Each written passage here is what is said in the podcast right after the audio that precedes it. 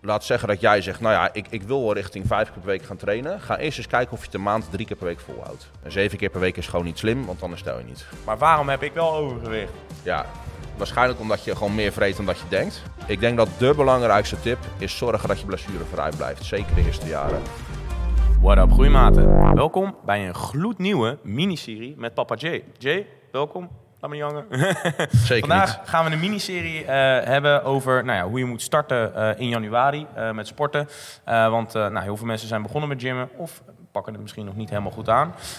Wat je hoort op de achtergrond is, we zitten in SmartFit in Ede. en ze hebben groepslessen naast ons. Dus dat je even weet wat het geluid is. Want ja, in de gym spelen ze natuurlijk wel gewoon muziek af. Hey Jay, ehm, als ik vers in de gym binnenkom, wat zou ik dan als eerste moeten doen? Buiten sporten om. Ehm, ik denk dat het goed is om eh, gelijk met iets van een plan te beginnen. Ehm, dus ja, ik kan me voorstellen dat je niet gelijk met coaching begint. Maar eh, schrijf in ieder geval iets van een plan uit. Ga niet eh, zomaar elke keer een, een paar andere oefeningen doen. Ehm, maar nou ja, maak iets van een uh, doe je full body, MyPart doe je een half body split. Maakt allemaal niet zo heel veel uit. Maar kies gewoon een vast trainingsplan. Daar ga je mee beginnen. Daar ga je proberen progressie op te pakken van week tot week. Uh, nou ja, en daar eigenlijk gelijk in verweven zit dat je dus je trainingen gaat loggen. Ik denk Ja. dat, dat, uh, dat die twee heel belangrijk zijn.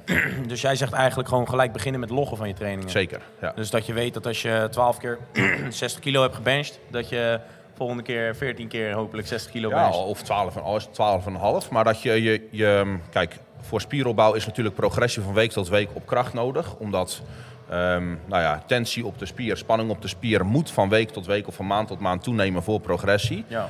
Ja, en de makkelijkste manier om dat... Dus uh, even voor de groeimaten die het nog niet helemaal snappen. Spiergroei is belangrijk om gewoon continu de spanning op je spieren te verhogen. Juist. Dus en ja. vaak wordt dat in verband gebracht met Trainingsvolume. Of gewicht verhogen, Ja, iets in die trant. Ja. Dus, want uh, kijk, als je dan die, uh, die gym binnenstapt, hè, er zijn heel vaak mensen. Ik zeg altijd, je moet niet vol gas gaan. Want Mhm. dat zijn uh, juist meestal de. Nou, ze zeggen altijd hardlopers en doodlopers. Sowieso cardio is kut. nou, daar ben ik het mee eens. Vooral in januari. Misschien dat we het in uh, mei of juni nog even gaan Nee, proberen. januari mag iedereen juist op de lopen, want dan zitten ze ons niet in de weg. Dus ja, in oh, januari ja, ja, mag iedereen dat is. Als het druk is in de gym, dan mogen ze allemaal naar de loop aan toe. Dat is slim inderdaad. Nou ja, want de- wat, wat denk jij dat een goede sta- eerste stap is in de sportschool, zeg maar, qua, qua trainen om een beetje die routine vast te krijgen? Ehm, ik zou ehm, bij jezelf heel goed nagaan in je agenda ehm, hoe vaak jij eh, nou ja, eh, per week krachttraining kan en wil doen. Dat is ook een van de vragen die ik, eh, of nou ja, een van de eerste vragen die ik bij mijn intake stel. Want iedereen wil, als ze beginnen, zijn ze natuurlijk helemaal zwaar gemotiveerd. En dat Ja. in januari net zo, of mensen die net coaching beginnen net zo. Ehm, ja, en die zeggen dan dat ze zes, zeven keer per week willen. Ja, dat hou je een maand vol daarom met helemaal zat. Ja, Dus nou ja, het is, zeker. Het is veel slimmer om. ehm Tenzij ook dat je de echte de inzet van, dat zie je bij, denk ik, bij 1% of zo van die mensen die nog, eh, ja. ja, door kunnen gaan. Dus het, het, is, het is daarin handiger om. ehm, laat zeggen dat jij zegt, nou ja, ik, ik wil wel richting vijf keer per week gaan trainen. Ga eerst eens kijken of je het de maand drie keer per week volhoudt. Ja, En consistentie, eh, dus nou ja, de mate waarin jij op lange termijn iets volhoudt eh, met een bepaald ritme, is veel, veel belangrijker dan dat jij, eh, nou ja, weet ik veel, twee, drie maanden vol gas gaat.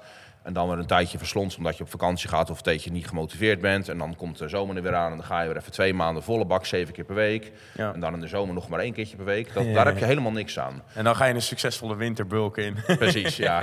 Die eh, helemaal uit de hand loopt. Maar het is dus veel handiger om... ehm, je wil echt consistent trainen, van week tot week. Dus nou, ja, laat zeggen drie, drie, vier keer per week. Dat is prima. En daar ga je ook echt heel veel progressie mee kunnen pakken. Zeker als beginner. Twee, Ja, keer, want- twee keer per week is al zat als Voor mij, ik heb jou, wij hebben jou toen ik u in een vorige podcast een keer gesproken. En voor mij zei je toen een keer: eh, drie keer is voor gezondheid, vier tot vijf keer is voor optimale progressie en zes keer is eigenlijk voor je lol. dat Ehm, is een beetje toch waar Ik denk, ja, eh, kijk, en zeker als beginner zou, nou ja, kijk, als jij helemaal niet hebt getraind, is één keer per week is in principe al progressie.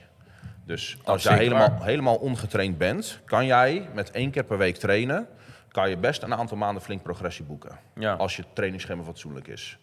Ehm, nou ja, eh, maar nou ja, inderdaad wat je net zegt, twee, drie keer per week eh, ga je zeker wel een hoop progressie mee kunnen boeken in het begin. Maar als jij echt een stuk verder wil, dan zal je op een gegeven moment wel naar drie à vier keer per week moeten.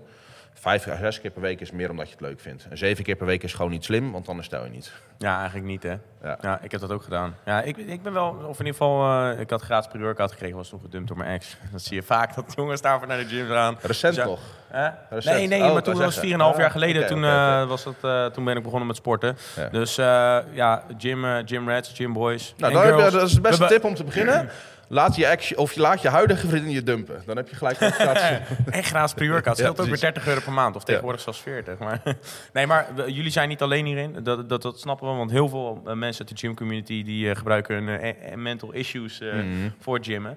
Want ehm, eh, ben jij zelf ooit eh, ook daarom begonnen? Vanwege mental issues? Eh, nee, maar dat is wel waarom ik door... Nee. nee, ehm, eh, even kijken, waarom ben ik ooit begonnen, joh? Ik heb dat ooit een keertje ook in een... Eh, ik denk echt dat het mij een beetje eh, te maken had met, eh, nou weet ik wel, Dragon Ball Z en die actiefilms Oh, ja, ja. Dat, dat, was, dat vond ik gewoon tof. dus dat was meer mijn motivatie in het begin. Ja, precies. Oké. Ja, ik, want... ik, mijn, mijn eerste relatie was een paar jaar nadat ik begon met trainen. Dus dat, vrouwen hadden bij mij geen, eh, geen invloed op mijn, eh, mijn startpunt. Ja, het was meer gewoon, dat, dat zie je denk ik wel vaker hoor. Kijk, ik, ik had toen gewoon dat ik volledig verwaarloosd was. En dat ik toen echt dacht van, waar ben ik überhaupt mee bezig? En mijn beste Mattie, die nu niet meer, bijna niet meer traint. Rip Ilias, shout-out naar jou alsnog. Want anders had ik hier niet gezeten.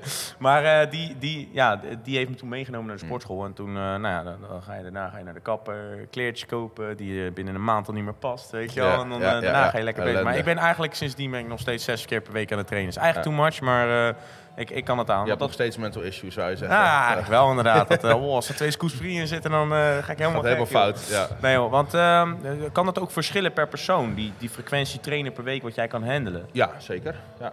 Want eh, Ehm, ja, ik merk zelf, kijk, ik zal niet zeggen dat ik aanzienlijk groot ben, maar ik ben ook niet heel klein. En ik heb Hmm. in de eerste twee jaar wel gewoon een hele steady progressie geboekt met die zes keer per week. Soms zelfs zeven of acht keer per week. Echt Ja. mongolisch veel, maar Ja, ja eh, kijk, maar het lastige is dat je, je hebt totaal geen vergelijkingsmateriaal met wat er gebeurd zou zijn als jij vier keer per week was gegaan. Misschien was je wel meer gegroeid, dat ja, dat is dat niet. paradox effect. eh, ja. En ehm, het is, er zit sowieso tussen eh personen een hoop verschil in hoe vaak je trainen aan kan en hoe je herstelt. Alleen al, kijk, zelfs als iedereen exact dezelfde genen had. Mensen slapen andere hoeveelheden, mensen hebben andere hoeveelheden stress, weet ik het allemaal. ja. Ehm, dus daar zit al een hoop verschil in, nou ja, waar je van kan herstellen of hoe goed het herstelproces loopt. En dan is het ook nog eens zo dat ehm, vanuit genen, want genen zijn niet gelijk tussen mensen, maar iedereen heeft heel verschillende genen. Ja.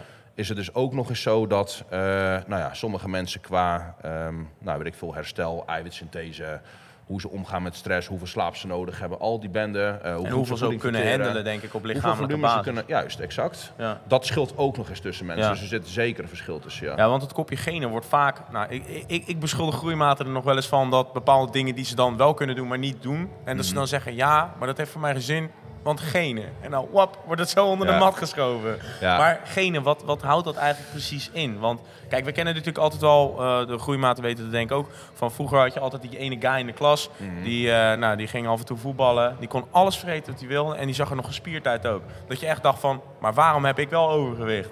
Ja, waarschijnlijk omdat je gewoon meer vreet dan dat je denkt. maar ehm, ja, oké. eh. eh, kijk, het stuk genen is eigenlijk niks anders dan wat bij jou ervoor zorgt. Nou ja, wat je haarkleur is, wat bij jou ervoor zorgt hoe, hoe lang je bent geworden. Ehm, dus kijk, eh, lengte en weet ik wat krijgen, kunnen natuurlijk allemaal goed aan de buitenkant zien. Eh, maar op dezelfde manier heb jij, nou ja, ergens ook in je genen staan ehm, hoe goed jij reageert op eh, krachttraining. Ja. Of eh, hoe snel jij nieuwe beweegpatronen kan aanleren. Ja, of nou ja, weet je, heel veel van dat soort dingen. Ehm, ja, en dat gaat natuurlijk pas tot uiting komen op het moment dat je nou ja, dat, dat ook gaat prikkelen. Ja, precies. eh, door krachttraining dus. Maar het kan dus prima zijn dat iemand die eigenlijk altijd best wel tenger is geweest, heel goed op krachttraining reageert. Ik ken sommige gasten die zijn echt bizar huge geworden, Ja. inderdaad. En andersom net zo, dat gasten die best wel stevig altijd waren van zichzelf met, nou ja, wil ik van alleen een beetje buitenspelen en gimmen, die dan krachttraining gaan doen, eh, waarbij het helemaal niet zo vlot gaat. Ja. Dus eh, kijk, en dat is gewoon het kopje genen. Dus dat is eigenlijk gewoon wat er nou ja, genetisch vast ligt. Ehm, ja, hoe goed jij op eh, training en voeding en eigenlijk alles gaat reageren. Ja. ja, want vaak wordt dat ook geschaard of geschaard onder de, de drie lichaamsvormen die er dan zogenaamd zijn. Onzin. Ja, Ja. klopt inderdaad Ja. niet. Dat, dat had ik ook inderdaad een keer gelezen. Dat hij eigenlijk in datzelfde stuk waarbij hij erover vertelde, dat dat ook weer ontkracht werd. Dat ging, Sheldon was dat volgens mij, toch? Kan wel. Ja. Eh, ik weet in ieder geval wel dat ze ehm, de, die, of die, eh, die lichaamstypes... Ja, dus endomorf, mesomorf en ectomorf. Dat je eigenlijk drie lichaamstypes hebt. Ene is skinny, valt makkelijk af, komt moeilijk aan. Mhm. De tweede heeft eigenlijk een beetje van beide. En de derde is dan mesomorf. Dat zou dan ik bij wijze van spreken zijn. Endo is degene die het makkelijkst dik wordt. Oh, oh, endo. Meestal zit het tussenin. Oh ja, meestal zit er tussenin. Ja. Nou, in ieder geval, de, de, de endo is dan dat je dus inderdaad makkelijk eh, gains maakt, maar ook moeilijk afvalt, juist, zeg maar. juist. Dus vaak trekken mensen voor mij het verband tussen eh, dat ze ehm, moeilijker afvallen. Mhm. Want kijk, ik ben zo'n persoon, ik val af met 2400 calorieën pas. eh, Mhm. of daaronder, terwijl ik 103 kilo weeg. Nou, dat Ja. is niet, meestal niet gemiddeld, normaal. Nee. Dus dat, ja, daar, daar wordt dan meestal dat verband in getrokken. De, ehm, die lichaamstypes van origine, ehm, als ik het me goed herinner, want het is echt wel jaren geleden dat ik hierover heb gelezen, maar Ja. is, zijn die, is die typering verzonnen om te kijken ehm, eh, vanuit criminologie wat de kans is dat iemand aan het, dat je aan het uiterlijk kan beoordelen wat de kans is dat iemand eh, een misdaad begaat. Dat is waar die, waar die types voor verzonnen zijn. Dus dat helemaal Wat niks doet dat te maken met, dan? Ja, dat is echt fucking onzin. Alleen wat je dus vaak gaat zien is dat mensen die, eh, nou laten we even een ectomorf als voorbeeld nemen. Dat zijn vaak mensen die in periodes van stress heel weinig eetlust hebben. Ehm, en mensen die eh, nou ja, heel erg zenuwpezerig zijn. Weet je, mensen die ecto zijn, die zie je heel vaak dat ze met hun been aan het trillen zijn. Of die zijn de hele tijd met de vingers bezig als ze na moeten luisteren. Of Ja. dus eh, kijk, en mensen die, eh noem maar even endomorf zijn, dus die makkelijk aankomen en moeilijk afvallen. Dat zijn vaak mensen bij wie je gaat zien ehm, dat zodra ze bijvoorbeeld bezig gaan in een calorietekort, dat ze veel minder actief worden. Ja. Dus dat ze normaal gesproken bijvoorbeeld altijd bellend of eh, lopend bellen eh, en nu in één keer zittend, omdat ze in een calorietekort zitten. Dus het heeft meer daarmee te maken en dat, dat is weer een stukje genen ook. Maar niet zozeer met, joh, jij hebt dit lichaamstype, dus Ja. het komt eigenlijk altijd wel... Ja, dat zijn wel een van de eerste fitnessfabels die op je afkomt in de gym als jij Ja. gaat trainen. Eh, hetzelfde als dat, eh, dat, dat creatine, dat je dat in cycles moet nemen Mhm. of zo. Of dat je er kaal van wordt, weet je. Allemaal van dat soort fitnessfabeltjes dat je denkt van, wat? Ja, ja. Weet je wel, dus... ehm, maar ja, in ieder geval, eh, wel, welke fouten zie jij vaak... krijg jij vaak beginnende cliënten of zijn het vaak Ik mensen heb die ook al... wel beginners, zeker. Ja. Ja. Wel- welke fouten zie jij daar vaak gemaakt worden? Ehm, dat mensen heel erg vastbijten in... ehm, ik moet eh, deadliften, squatten en benchpressen. En daar, nou, daar kan je prima spiergroei pakken. Alleen, Ik heb het ook gedaan, alleen SPD Ja. is niet eh, het meest optimale biomechanisch gezien voor spiergroei. Precies. Zeg ik het Ja, goed zo? Ja. Ja. Dus je, je- ja, je kan er sterker op worden. Ja, er zijn een hele hoop voorbeelden voordat mensen daar weer over gaan struikelen. Er zijn een hele hoop voorbeelden die eh, deze drie oefeningen doen en hoop spiermassa opbouwen. Ja, er zijn ook een hele hoop mensen die een betere chest hebben dan ik. En die meer kunnen benchen dan ik. Ja. Maar dat is allemaal correlatie, geen causatie. ja.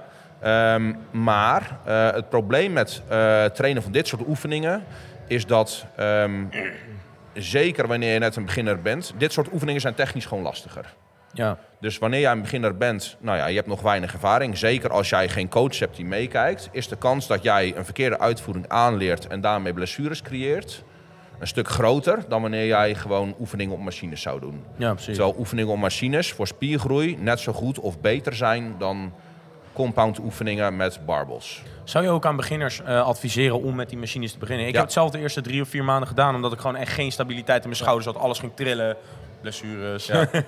Nee, zei, ik, eh, ik denk dat machines... Kijk, als, eh, ik, ik beredeneer alles vanuit maximale spiergroei. Hè? Dat, is, ja, dat is vanuit waar ik kom. want iedereen wil ook een grote chest. Precies. Denk ik. Zeker. dus ehm, ehm, als maximale spiergroeidoel is, zijn machines echt een prima oefeningskeuze. Ja, Omdat je, nou ja, precies wat jij net zegt, veel minder eh, interne stabiliteit nodig hebt.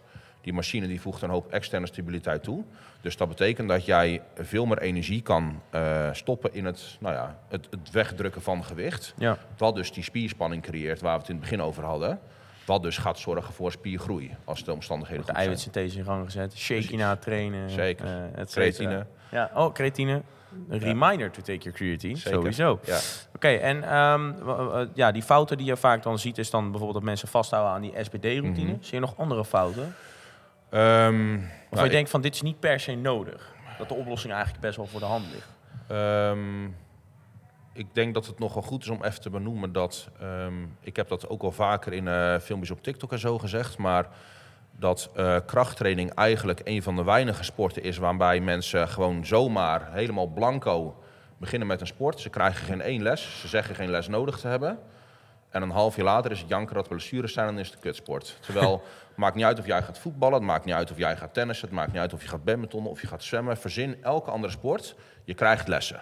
Ja, eens. Is zo. En bij krachttraining is dat zogenaamd niet nodig. En nou ja, ik denk dat dat een hele grote fout is die heel veel mensen maken. Dat ze het idee hebben van, nou ja, weet je, eh, ik kijk wat filmpjes en ik ga met een groep vrienden.